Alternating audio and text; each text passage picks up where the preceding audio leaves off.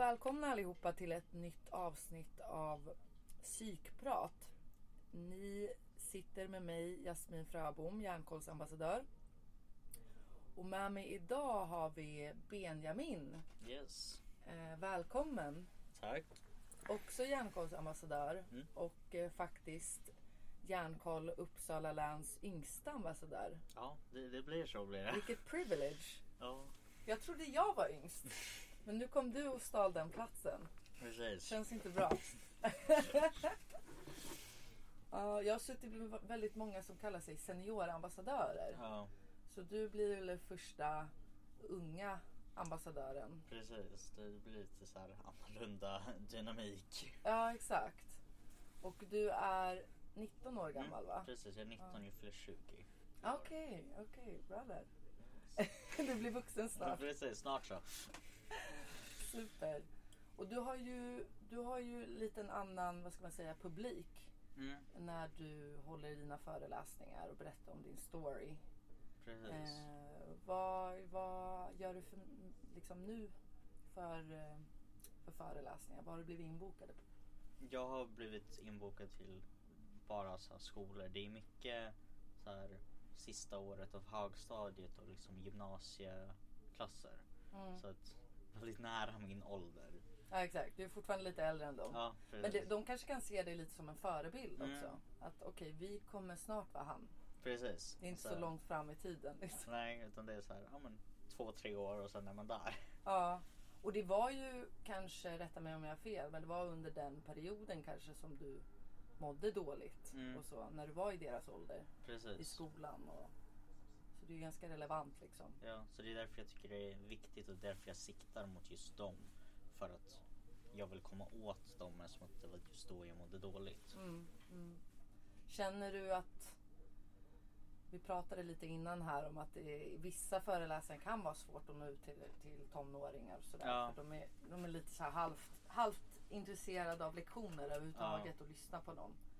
Men, men känner du att det finns ändå ett intresse bland de här unga att lära sig om, om psykisk hälsa och, och förstå sig på ämnet och tycker Mm. det är viktigt? Vad Ja absolut.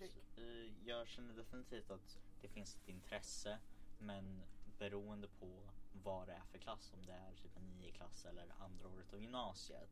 Mm. Då liksom andra året av gymnasiet då kan jag bara hålla förelsen som är vanligt. Men om det är yngre så är det, de föredrar mer en så här relaxed casual konversation om ämnet istället för att ha någon som står bara och berättar. Mm. För då är det inte intressant. Då känns det lite som, ja men okej, där står en till person som ska idra om whatever. Jag eh, fokuserar på min hockeymatch typ.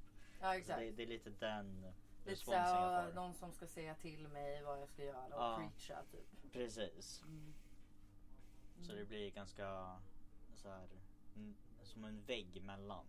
Mm, man når inte riktigt dem. Precis. Ja. Så man måste få dem att plocka upp intresse först så här. Okej men det här är en chill person. Ja, då, då kan jag lyssna vad de Han är vad skön, okej, Ja, okej då lyssnar jag. Precis. Du hade ju lite, du hade ju lite, lite tips på icebreaker. Ja, Att du bara körde den här, ah, vad, vad, vad har du för favoritmat? Vad... ja precis. Så drog jag så här pizza och så här. Okej klassiskt pizzaargument det är så här. Ja men ananas på pizza. Då reagerar alla bara, Ja. what?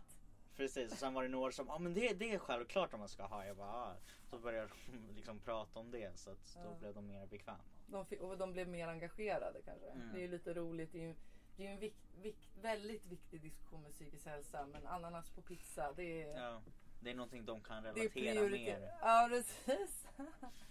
Och kan, alltså nu, nu spekulerar jag bara men det kanske finns de som har lider av liknande som du gjorde Mm. men de kanske inte vågar outa sig. Nej sätt. precis.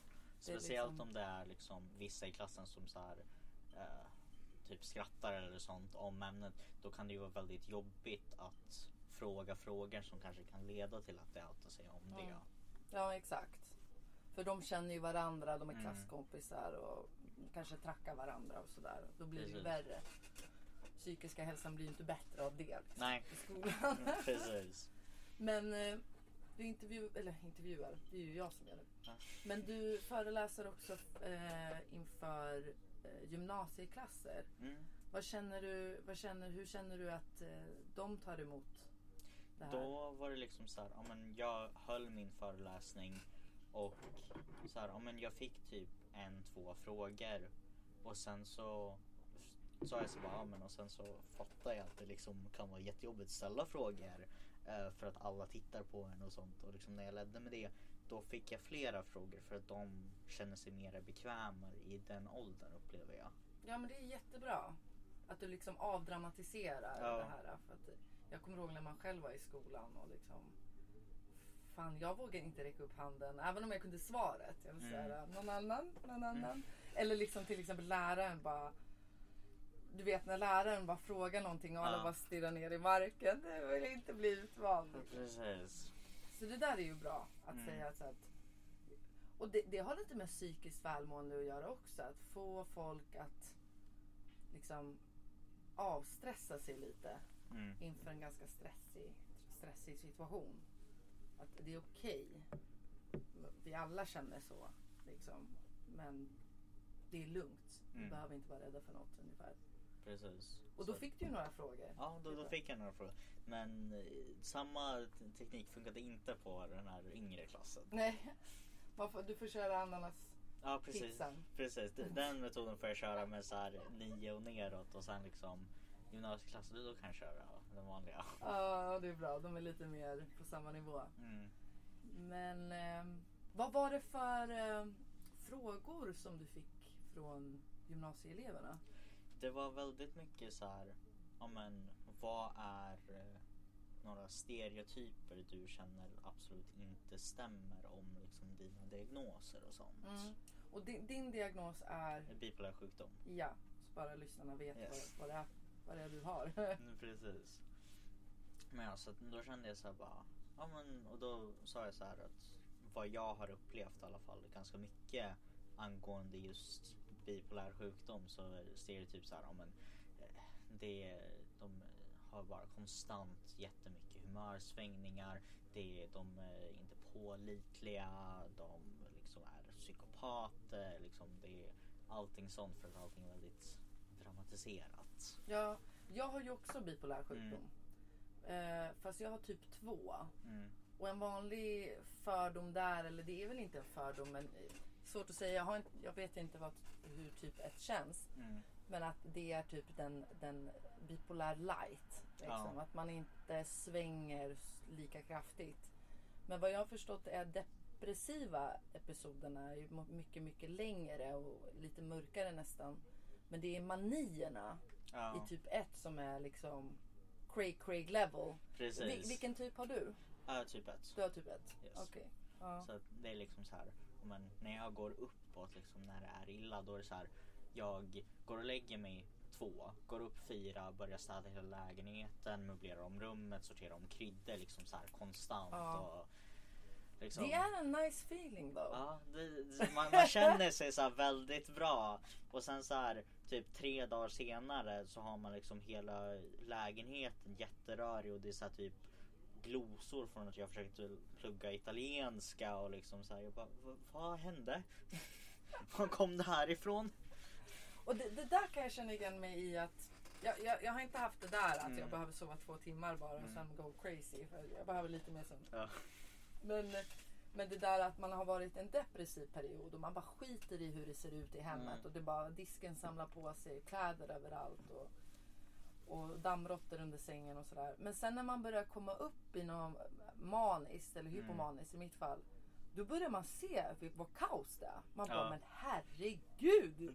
Vad är det här för jävla skithåla? Ja, Så börjar man liksom städa. Och, precis. så jag, jag kan ju känna att omgivningen reflekterar ens psykiska Mm. tillstånd. Men, men sen är det ju även tvärtom att det kan vara terapeutiskt att städa. Att man Mm, städar lite i hjärnan också. Samtidigt. Ja. när jag blir så här, ja, men trött, orkar inte göra någonting, ligger i sängen till klockan fyra på eftermiddagen och scrollar på Ja, ja. TikTok typ. Det är liksom, Ja, ja. Gud. TikTok, ja.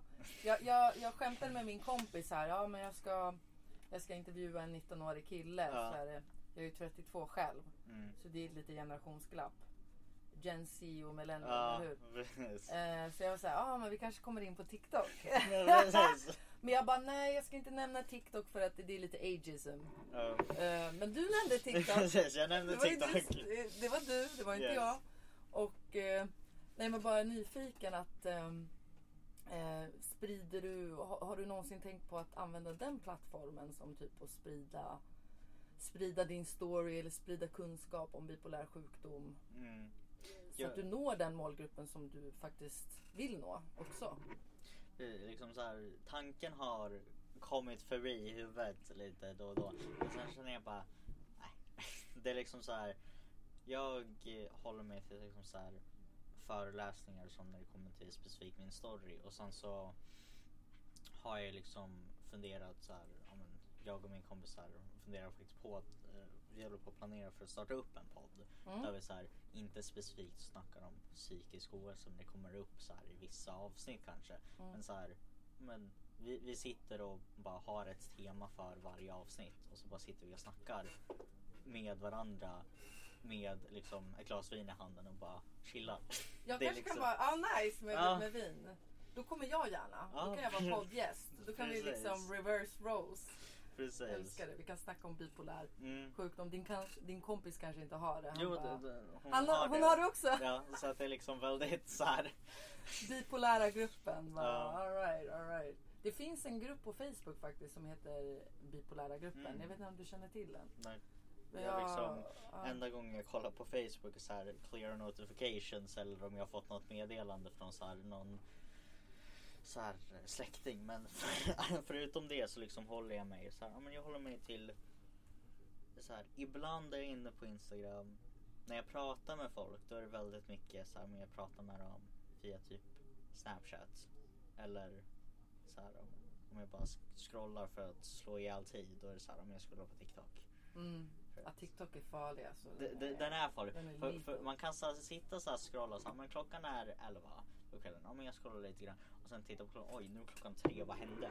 Ja, eller hur? Alltså, det där är crazy. Ja, Jag vet inte vad som händer. Man går in i något parallellt universum. Mm. där Tidningen går så här fort. Men ehm, jag har faktiskt eh, publicerat ditt evenemang, alltså det här seminariet som Mm. du ska ha nu i sista tisdagen Ja. i, i april. Eh, I bipolära gruppen. Ah, okej. För jag tänkte så här, det är första gången jag marknadsför där. Jag, tänkte, jag fick en så här snilleblixt. Jag bara, men det är online. Ja. Man kan ju nå ut till hela Sverige. Alltså why not liksom. Mm. De här är bipolära personer över hela, hela Sverige. Ja. Inte bara Uppsala.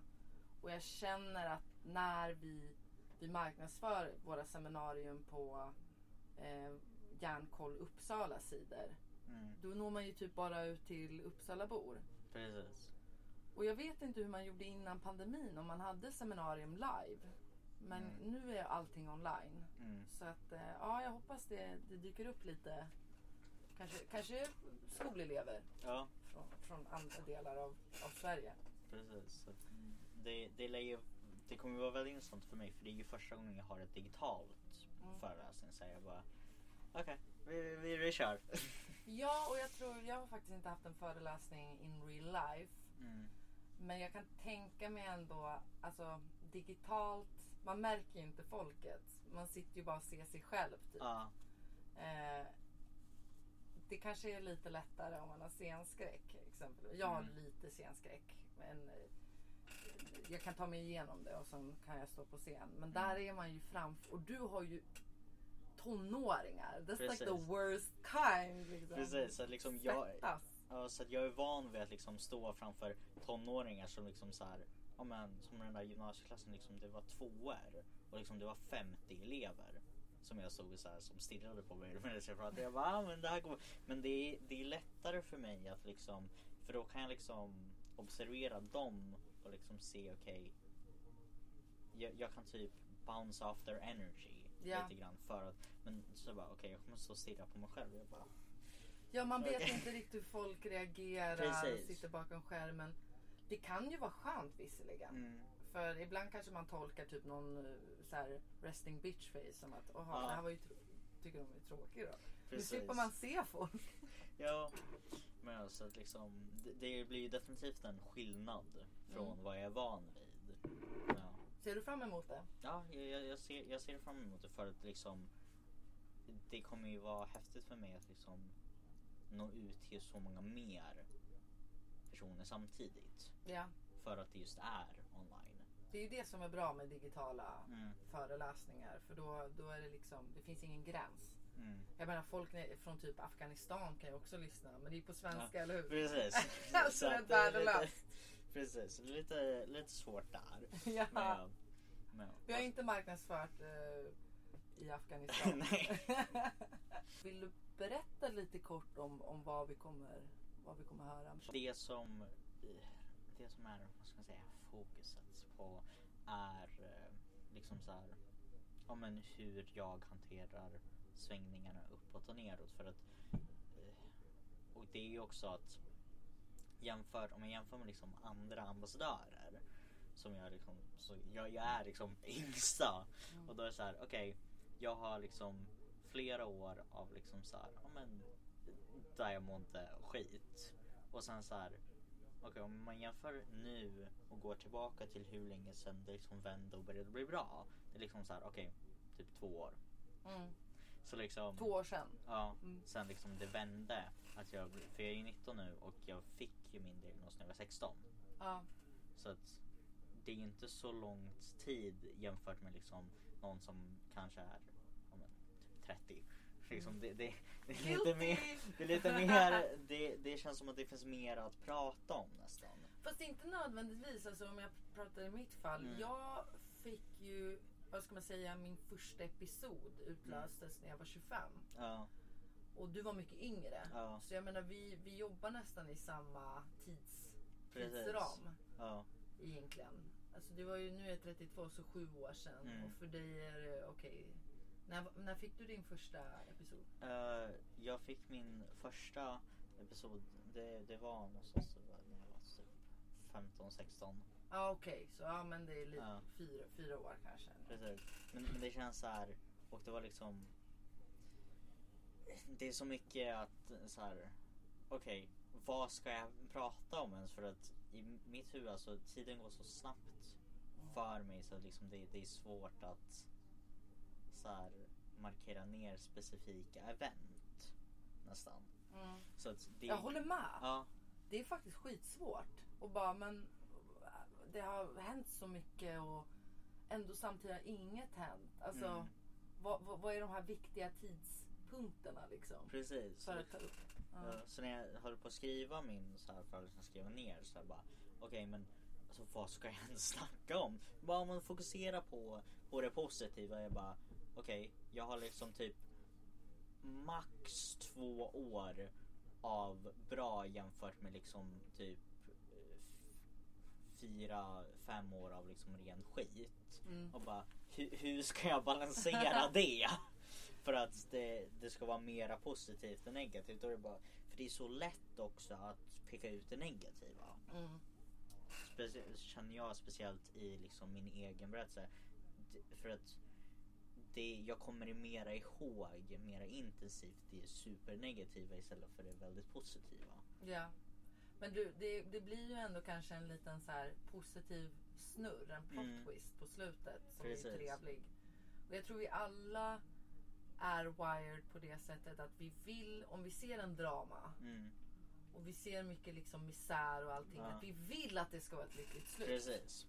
För att kunna lämna med ett liksom gott sinne. Jag vet att jag, jag bodde i Paris, bara en kort parentes. Jag bodde i Paris ett tag och liksom när man kollar på fransk film, de är så jävla alltså, mörka. Ja, Och man bara, man bara väntar på att det ska bli något positivt, men det händer aldrig. nej. Sen slutar filmen. Bara Ja. fan, man bara Gud, jag mår så dåligt. Ja, Alltså, någon dog. Du Ja. alltså, så här, jättesorgligt slut. mm, Men vi vill nog, vi hoppas på liksom ljuset i slutet av tunneln. mm, Och det är det jag tror ändå att många av oss ambassadörer, om inte alla, har möjlighet att inspirera och förmedla. Att mm, Visst, det är en himla misär. Det är en Mm. mörk period, the dark night of the soul. ja, Men någonstans har du ju hittat ett sätt att leva på. Där Precis. du mår bättre. ja. Och liksom mycket i min föreläsning som liksom hence the name av min föreläsning Krona eller klave. Um, är att jag ser det väldigt mycket som liksom så här ett, kasta ett mynt. Mm. För att jag, för det, det är två sidor av samma mynt, det är så jag ser det. Ja. Um, och då är det liksom så här, okej, och en liksom referens som jag eh, använder är eh, så här, om man, om man tittar på så här pulsmätare från sjukhus. Där det går upp och ner, upp och ner, och. Mm. Jag känner väldigt, jag brukar känna väldigt ofta så här, men jag gillar inte hur mycket upp den går och hur mycket ner den går. Jag vill liksom balansera det. Mm. Men om jag balanserar det då, då är hjärtat slutat slå. Om jag bara sätter den i mitten om Ja. jag hade haft full kontroll över det. Och då är det så här. Så att istället för det så är det liksom så här, ja men, så här, men kasta myntet och se vilken sida det blir den dagen och sen bara take it as I go. Typ. Ja. Är det, skulle du säga att det är rapid cycling som du har, eller har haft? Att det är liksom din, dina svängningar går ganska fort? Alltså det är från dag till dag eller vecka till vecka? Eh, det är liksom så här, men jag har upplevt stunder där det var så här, men, där jag var bara manisk typ en till två veckor. Mm. Och sen eller bara deprimerad. Och sen har jag också haft de här blandfasepisoderna vilket var i min erfarenhet de jobbigaste. Mm. För då är det så här, men när jag är manisk episod, då är det så här, okej, men då vet jag kommer må så här i x antal dagar. Men liksom blandfasen, då är det så här, okej, jag kan må hur bra som helst, planera att gå ut, sen så fort jag har tagit handtaget så bara nej, nu är jag deprimerad, det går inte, jag kan inte komma ut. Mm. Liksom, jag vet inte hur jag kommer må om fem minuter. Den var väldigt oförutsägbar. Precis, och det är det som liksom eh, var det värsta med just det, att jag inte kunde planera. Jag kunde inte planera mitt liv eller göra någonting Mm. för jag visste inte hur jag skulle må. Ja, vad jobbigt. Ja. Hur känner du idag då? De här uh, upp, den här uh, EKG Ja, precis. diagrammet. Är du, är du fortfarande att det går upp och ner eller är du en platt liksom? Det, det, det går fortfarande upp och ner men, men jag liksom så här, istället för att se det som ett problem att det går så mycket uppåt och går så mycket neråt så ser jag det mer att ja, men det här är mina det här är bara ett tecken på att jag lever, att jag har känslor, att jag, jag känner mig med liv. Ja. För att den slår uppåt och jag vet att den kommer slå neråt och när den är neråt så vet jag att den kommer slå uppåt. Ja. Du kan, har du lärt dig liksom att, att på något sätt skapa någon förutsägbarhet i ditt beteende? Alltså att du vet hur du ska... Du har lärt känna dig själv kanske? Ja, precis. Ja. För att innan jag hade diagnosen så var det så här ett väldigt stort frågetecken som att jag inte visste vad det var. Så då kunde Mm. jag inte lära mig någonting om det som att jag inte visste vad det var för någonting. Mm. Så då blev det så här, men när jag fick diagnosen då var det så okej, nu vet jag vad det är. Då kan jag liksom mer planera och lära mig efter det för att då visste jag helt plötsligt så här, ah, det är det där. Mm. Istället för bara någonting händer. Jag vet inte konstigt. varför det händer. Precis, så att, att veta liksom vad de olika sakerna som, så att då blev jag helt plötsligt mer uppmärksam på mina egna beteenden och mina känslor. Mm. Så att jag är väldigt um, uppmärksam liksom, på just mina så här, surroundings och mig själv. Så jag observerar alltid väldigt, allting i väldigt mycket detalj. Mm. Så här. Har du någon liksom, har du någon anhörig eller sådär som, som fångar dig på något sätt? Att du, ja nu Benjamin är du på väg att bli Ja. lite för pratsam här. Ja, jag har ju liksom så här, men när jag först fick det liksom så här, liksom när det var mera intensiva perioder. För det går så här, men det kan vara något år där liksom jätteintensivt, sen något år där det är ganska lugnt liksom Mm. genom året. Men liksom så här, ja, men först så var det min pappa som sa bara, ja men så här, jag känner att du är lite manisk nu för att för när jag är deprimerad då, liksom, då märker jag av det för att jag mår ju skit. Ja, Men när den jag är lättare. Precis, när jag är manisk, jag, jag känner mig bara bra så jag vet inte att jag mår för bra. Ja. Man typ. önskar ju lite grann också att det här är jag frisk. Liksom. Precis. Så Man mår ju awesome. Precis, och sen bara oj, vänta. Ja, det kanske är lite för, det är lite för bra. Var ju någon kompis som sa till mig, alltså, jämförde min hypomaniska period som alltså, det är nästan som att du är på schack alltså. Ja. Du är så jäkla speedad. Du är glad, du pratar hela Ja. tiden. Det är så här, eller typ ecstasy kanske. Ja, Men så precis. Man är väldigt älskar alla och så här, ser världen i så rosa, genom rosa glasögon. Mm.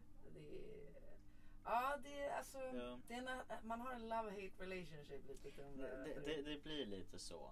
Så att först var det ju så här, ja men min pappa som så här, ja men var så och sen så har jag också min kille också som är väldigt bra på att plocka upp det. Så bara, ja men han, han så här, han märker av det och bara men han påpekar inte på samma sätt så att det, det är liksom väldigt olika respons även om de är väldigt bra båda två. Mm. Så liksom i pappas fall då är det så här, okej han märker att jag är och han säger det rakt ut till mig så här, "Ja, men du känns manisk. Um, så här, "Ja, men, ibland kan det bli lite tonen så här, "Ja, men kan du chilla lite? Ja, För att han kanske är jättetrött och så gör jättemycket uppåt. Då kan det bli lite jobbigt.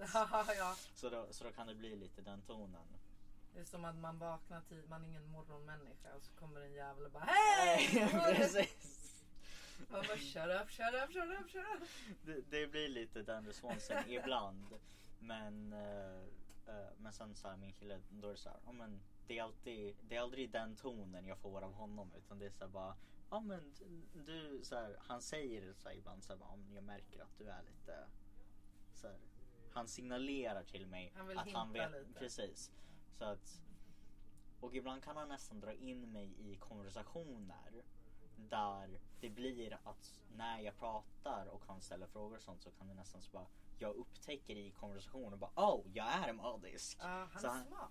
Precis, han, han är väldigt smart så han leder in mig till en konversation nästan så att jag upptäcker själv att jag är Ja, manisk. det är ju det bästa sättet. Precis. Man måste komma till insikt på något sätt. Mm. Liksom.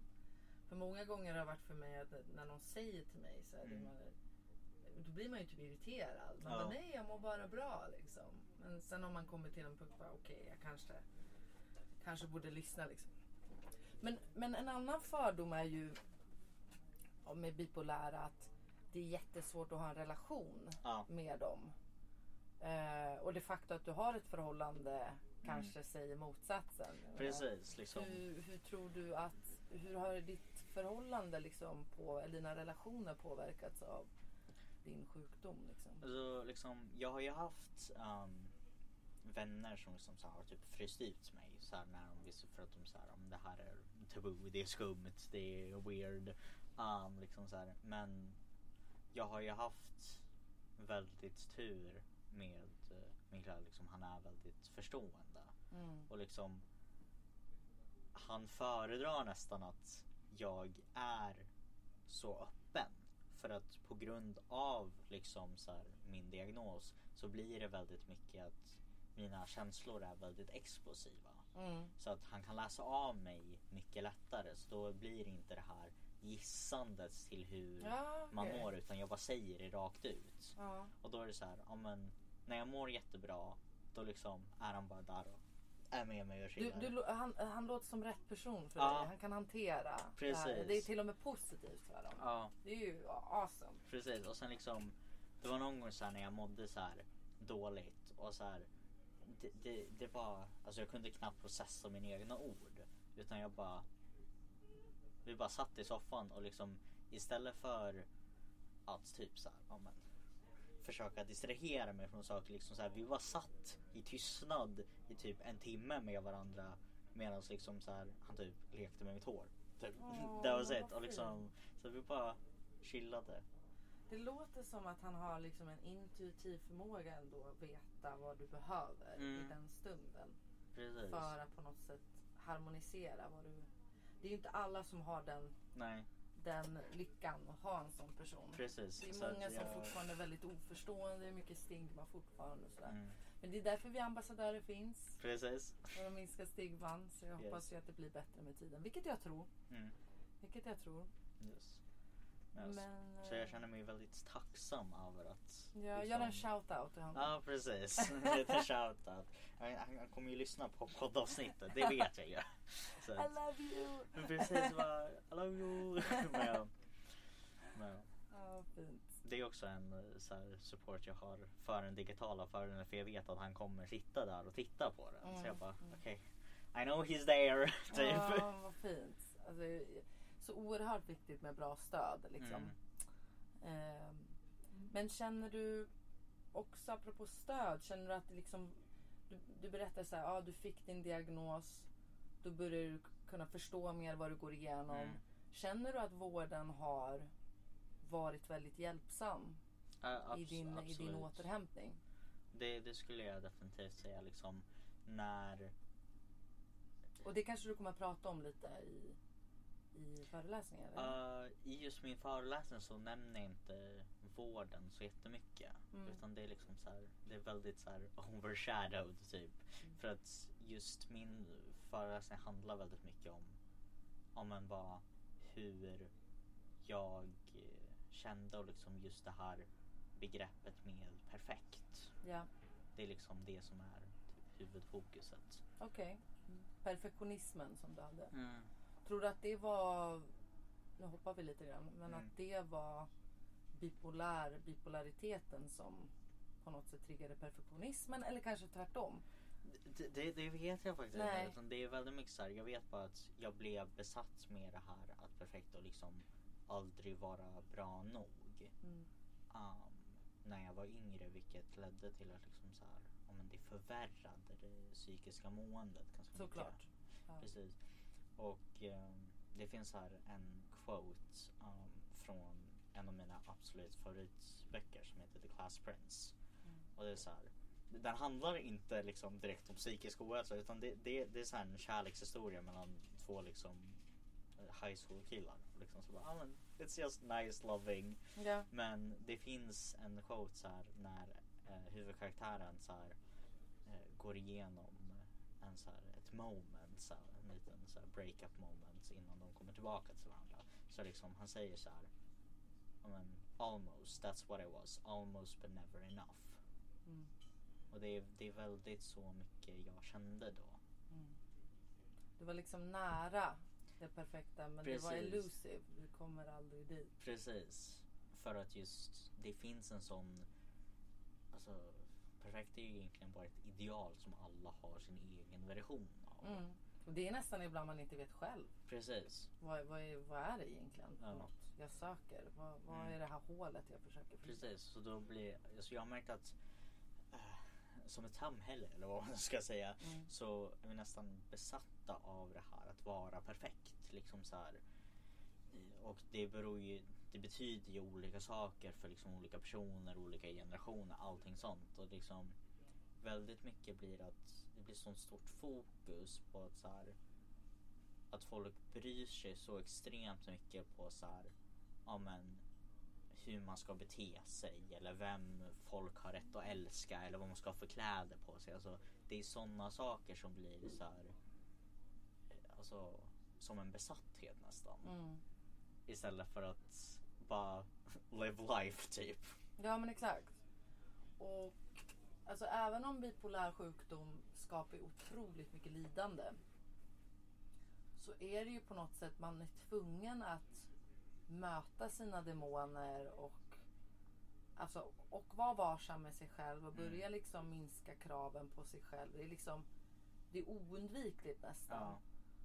Och det är lite intressant det här med att du har varit perfektionistisk tidigare. Jag vet inte om du är det fortfarande. Det sitter väldigt, sånt där sitter ju väldigt inrotat. Det är Precis. svårt. Det är en process hela tiden att jobba med sig själv. Men att bara det faktum att du föreläser nu om, Mm. om din bipolär sjukdom och det, det, det icke-perfekta Ja. liv du har levt. Känner du att det har, liksom, är terapeutiskt i sig att komma ifrån liksom, att vara perfekt? Det, det skulle jag definitivt säga. För det finns ju fortfarande stund där det liksom tränger in lite grann så här. Om, en, om typ så här, när en föreläsning inte går riktigt som jag hade tänkt så bara Ja, jag kunde gjort bättre.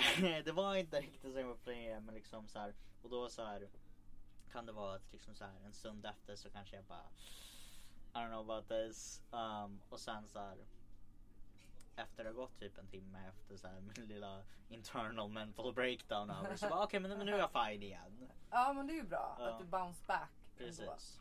För det är ju, det, man kan ju alltid göra bättre ifrån sig. Ja. Men det bästa är att man kan alltid ha gjort sämre ifrån sig. Precis. det kunde gått mycket värre. Det kunde ha gått värre. Ja. Sen kanske till nästa gång kanske man, alltså du kommer ju på nya idéer hela tiden. Du sa Mm. ja men till nionde nästa gång jag ska köra den här ananaspizzan, ja. Break the ice och sådär. Så det blir, det är hela tiden en process. Men, men jag är nyfiken fortfarande, vården. Jag vet att Ja. jag får egentligen inte, eller får och får, bör inte snacka så mycket om det. Men jag, jag är nyfiken Ja. på folks historier. Och det är liksom, vården har hjälpt dig säger du. Men eh, känner du liksom, går du på medicin? Mm, nej. Wow! Så att jag är liksom helt omedicinerad. Har varit det typ så här. Men sen förra sommaren typ. Det är ju fantastiskt egentligen att Mm. du kan hantera dina upp och nedgångar utan medicin. För att, Mm. eh, alltså jag går ju på medicin och det har varit en lifesaver. Ja. Och jag vet att när det kommer till bipolär sjukdom att det är, det, det är, det är nästan regel att man Ja. behöver något stämningsstabiliserande för att kunna hantera sitt liv. Precis. Så alltså hatten av till dig, Mm. verkligen. Det är inte lätt. Mm. Alltså, För jag vet att i början så var det liksom så här. Det var verkligen en lifesaver för mig också så här, när jag fick så här mediciner. Det var så bara, ah. Och sen så efter liksom jag hade varit på mediciner i typ två år eller sånt. Så liksom det var nästan som att så här, ja, men det gick att även om jag får episoder så liksom det, det gick att hantera utan Ja. mediciner. Då föredrar jag personligen det istället för att ha liksom men typ så här åtta olika mediciner varje dag. Så bara, ja, äh. ja, absolut. Jag, Mm. jag känner ju att liksom, kan man hantera Mm, eh, sin diagnos utan medicin, då ska man ju göra det. precis. Men sen så har det ju funnits mycket stigma kring medicinering och sådär. Så att, Ja, å andra sidan kanske man, man ska inte... Om, om man kommer till en punkt, bara Ja. shit jag kan inte hantera livet, så ska man inte skämmas. nej, Utan ta den kryckan liksom. precis. Men, men kommer man till en punkt där det går att leva utan. Alltså jag ser ju mig själv kanske inte vara medicinerad hela livet. Även Mm. om det inte är värsta grejen om jag skulle vara det. Mm. Eh, så, så vill man ju gå utan kryckor till Ja. slut. Typ. Ehm, ja. Nej men jag var, jag var nyfiken. Där. Yes. Så. Ja. Men det Det- kommer du inte prata så mycket om alls I guess. Nej, men det är liksom vi, går, vi går in på alla grejer du inte ska prata om. Nej, men jag känner så här, men vården har väl liksom så här, men vården var väldigt hjälpsam för mig när de visste vad det var för någonting, vilket är ganska självklart. För att om de inte vet vad det är de behandlar så kan de ju inte göra en bra behandling för. Nej, så är det ju. Du börjar med en utredning liksom. Ja, precis. Det började med en utredning och liksom så här, och jag liksom så här blev diagnostiserad med depression och liksom fick antidepressiva och sen så här, men visst. För just mig funkade inte antidepressiva utan det gjorde bara saken värre. Okej. Och Mm. då blev det så här att Då är det inte värt det alltså. Nej precis men jag visste ju inte det då. Och de bara men bara höj dosen lite grann så blir det bättre. Ja, classic. Ja, precis. Så att det, det blev lite den, det bemötandet jag fick i början. Vilket gjorde att det ledde till liksom så att det blev väldigt illa. Och sen så här när det kom så här en specialistläkare och så här, han, han typ skumläste mina så här, journaler och bara det här känns inte som en deprimerad person. Men Hold on a minute. och då var det så här, okej. Um, och så gjorde en utredning och så här kom fram till bipolär sjukdom. Ja. Och då blev det helt plötsligt så här. Ja men. När, när de trappade ner på det antidepressiva och satte in eh, så här stabiliseringsmedicin. Då var det bara wow. Som så här, natt och dag. ja. Ja, det hjälper oerhört. Precis. Och jag tror också det är en, en vanlig missuppfattning att man det finns ju många som känner att de blir zombie-liknande. Den här Ja. EKG-kurvan du snackar om. Mm. Att det blir den här Ja. raka strecket. Så, då tror jag att det inte är rätt för en. Nej. Alltså så ska det ju inte vara. Jag, jag tänker att livet utan känslor. Mm. Vad fan är det för någonting? Nej. Det är inte ett liv värt att leva. Men det, upp och nedgångarna, de kan ju bli svåra. Men kan man hantera dem, alltså då kan ju livet bli underbart. Precis. Jag hoppas du har den plot twisten i Ja, precis. Ja, ja, men absolut. Men det är liksom så här, jag känner bara att det är mycket, alltså även om det kan bli lite jobbigt att känna så mycket ibland och liksom det kan tippa över så, så här, man bara, äh, så här, man kanske är så här jätteemotionell någon dag och så här bara jag vill inte känna så här mycket men jag bara storbölar av jag vet inte varför. Och det kan ju komma de stunderna. Men det är liksom ändå Jag föredrar det än att vara helt alltså, avstängd. Ja, ja, men avtrubbad liksom.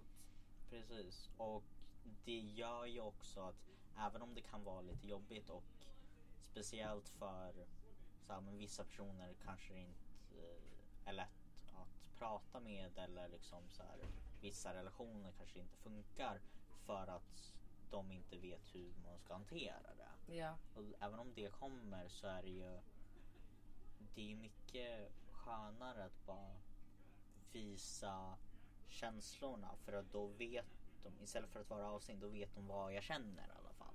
ja precis. Det det är är, liksom lite mycket- lättare för din pojkvän att läsa av det Precis, kanske. precis. Det är lite lättare att läsa av mig när liksom mina känslor är som liksom stora blinkande ljus istället för liksom så här eh, i kryptiskt meddelande på en liten lapp. Liksom. ja, ja. Det är lite skillnad. Precis, så då kanske det är bättre för dig själv men Ja. också för omgivningen liksom. Och. Precis. Och relationer. Mm. Så jag har ju upplevt att mina relationer runt om mig, så här familj och vänner och pojkvän och allting. Då är det så här, ja men det är, det är lättare att hantera de relationerna. Mm. Och det blir lättare overall för alla. Just för att jag är så öppen med mina känslor och hur jag känner. Ja, ja. Det är skitbra. Hur, jag funderar på, hur, hur kommer det sig att du blev ambassadör på, på Järnkoll? Alltså vad var det som fick dig att bara, okej det här har jag gått igenom nu. Mm. Och nu vill jag, nu vill jag inspirera, nu vill jag dela med mig. Mm. För att sprida kunskap om, om bipolär sjukdom och så vidare. Mm. Och speciellt då till skolelever. Vad, vad fick dig att bara... Det, det, det är en väldigt så här intressant trail som, liksom så här, som har letts mig hit som jag inte trodde jag skulle. Utan det var så här, ja, men, det var någon gång så här, ah, vad kan det ha varit, 2019 tror jag. Uh, eller nej, 2020 var det faktiskt. Så det var början av 2020 så här. Jag typ så här tittade på så här online så här um, volontär, volontärsbyrån. Så här, bara kollade volontärarbete för att jag är intresserad och sånt. Mm. Så, och så hittade jag liksom en annan organisation som, så här, ja, som jag joinade och blev lokalrepresentant i Uppland för dem.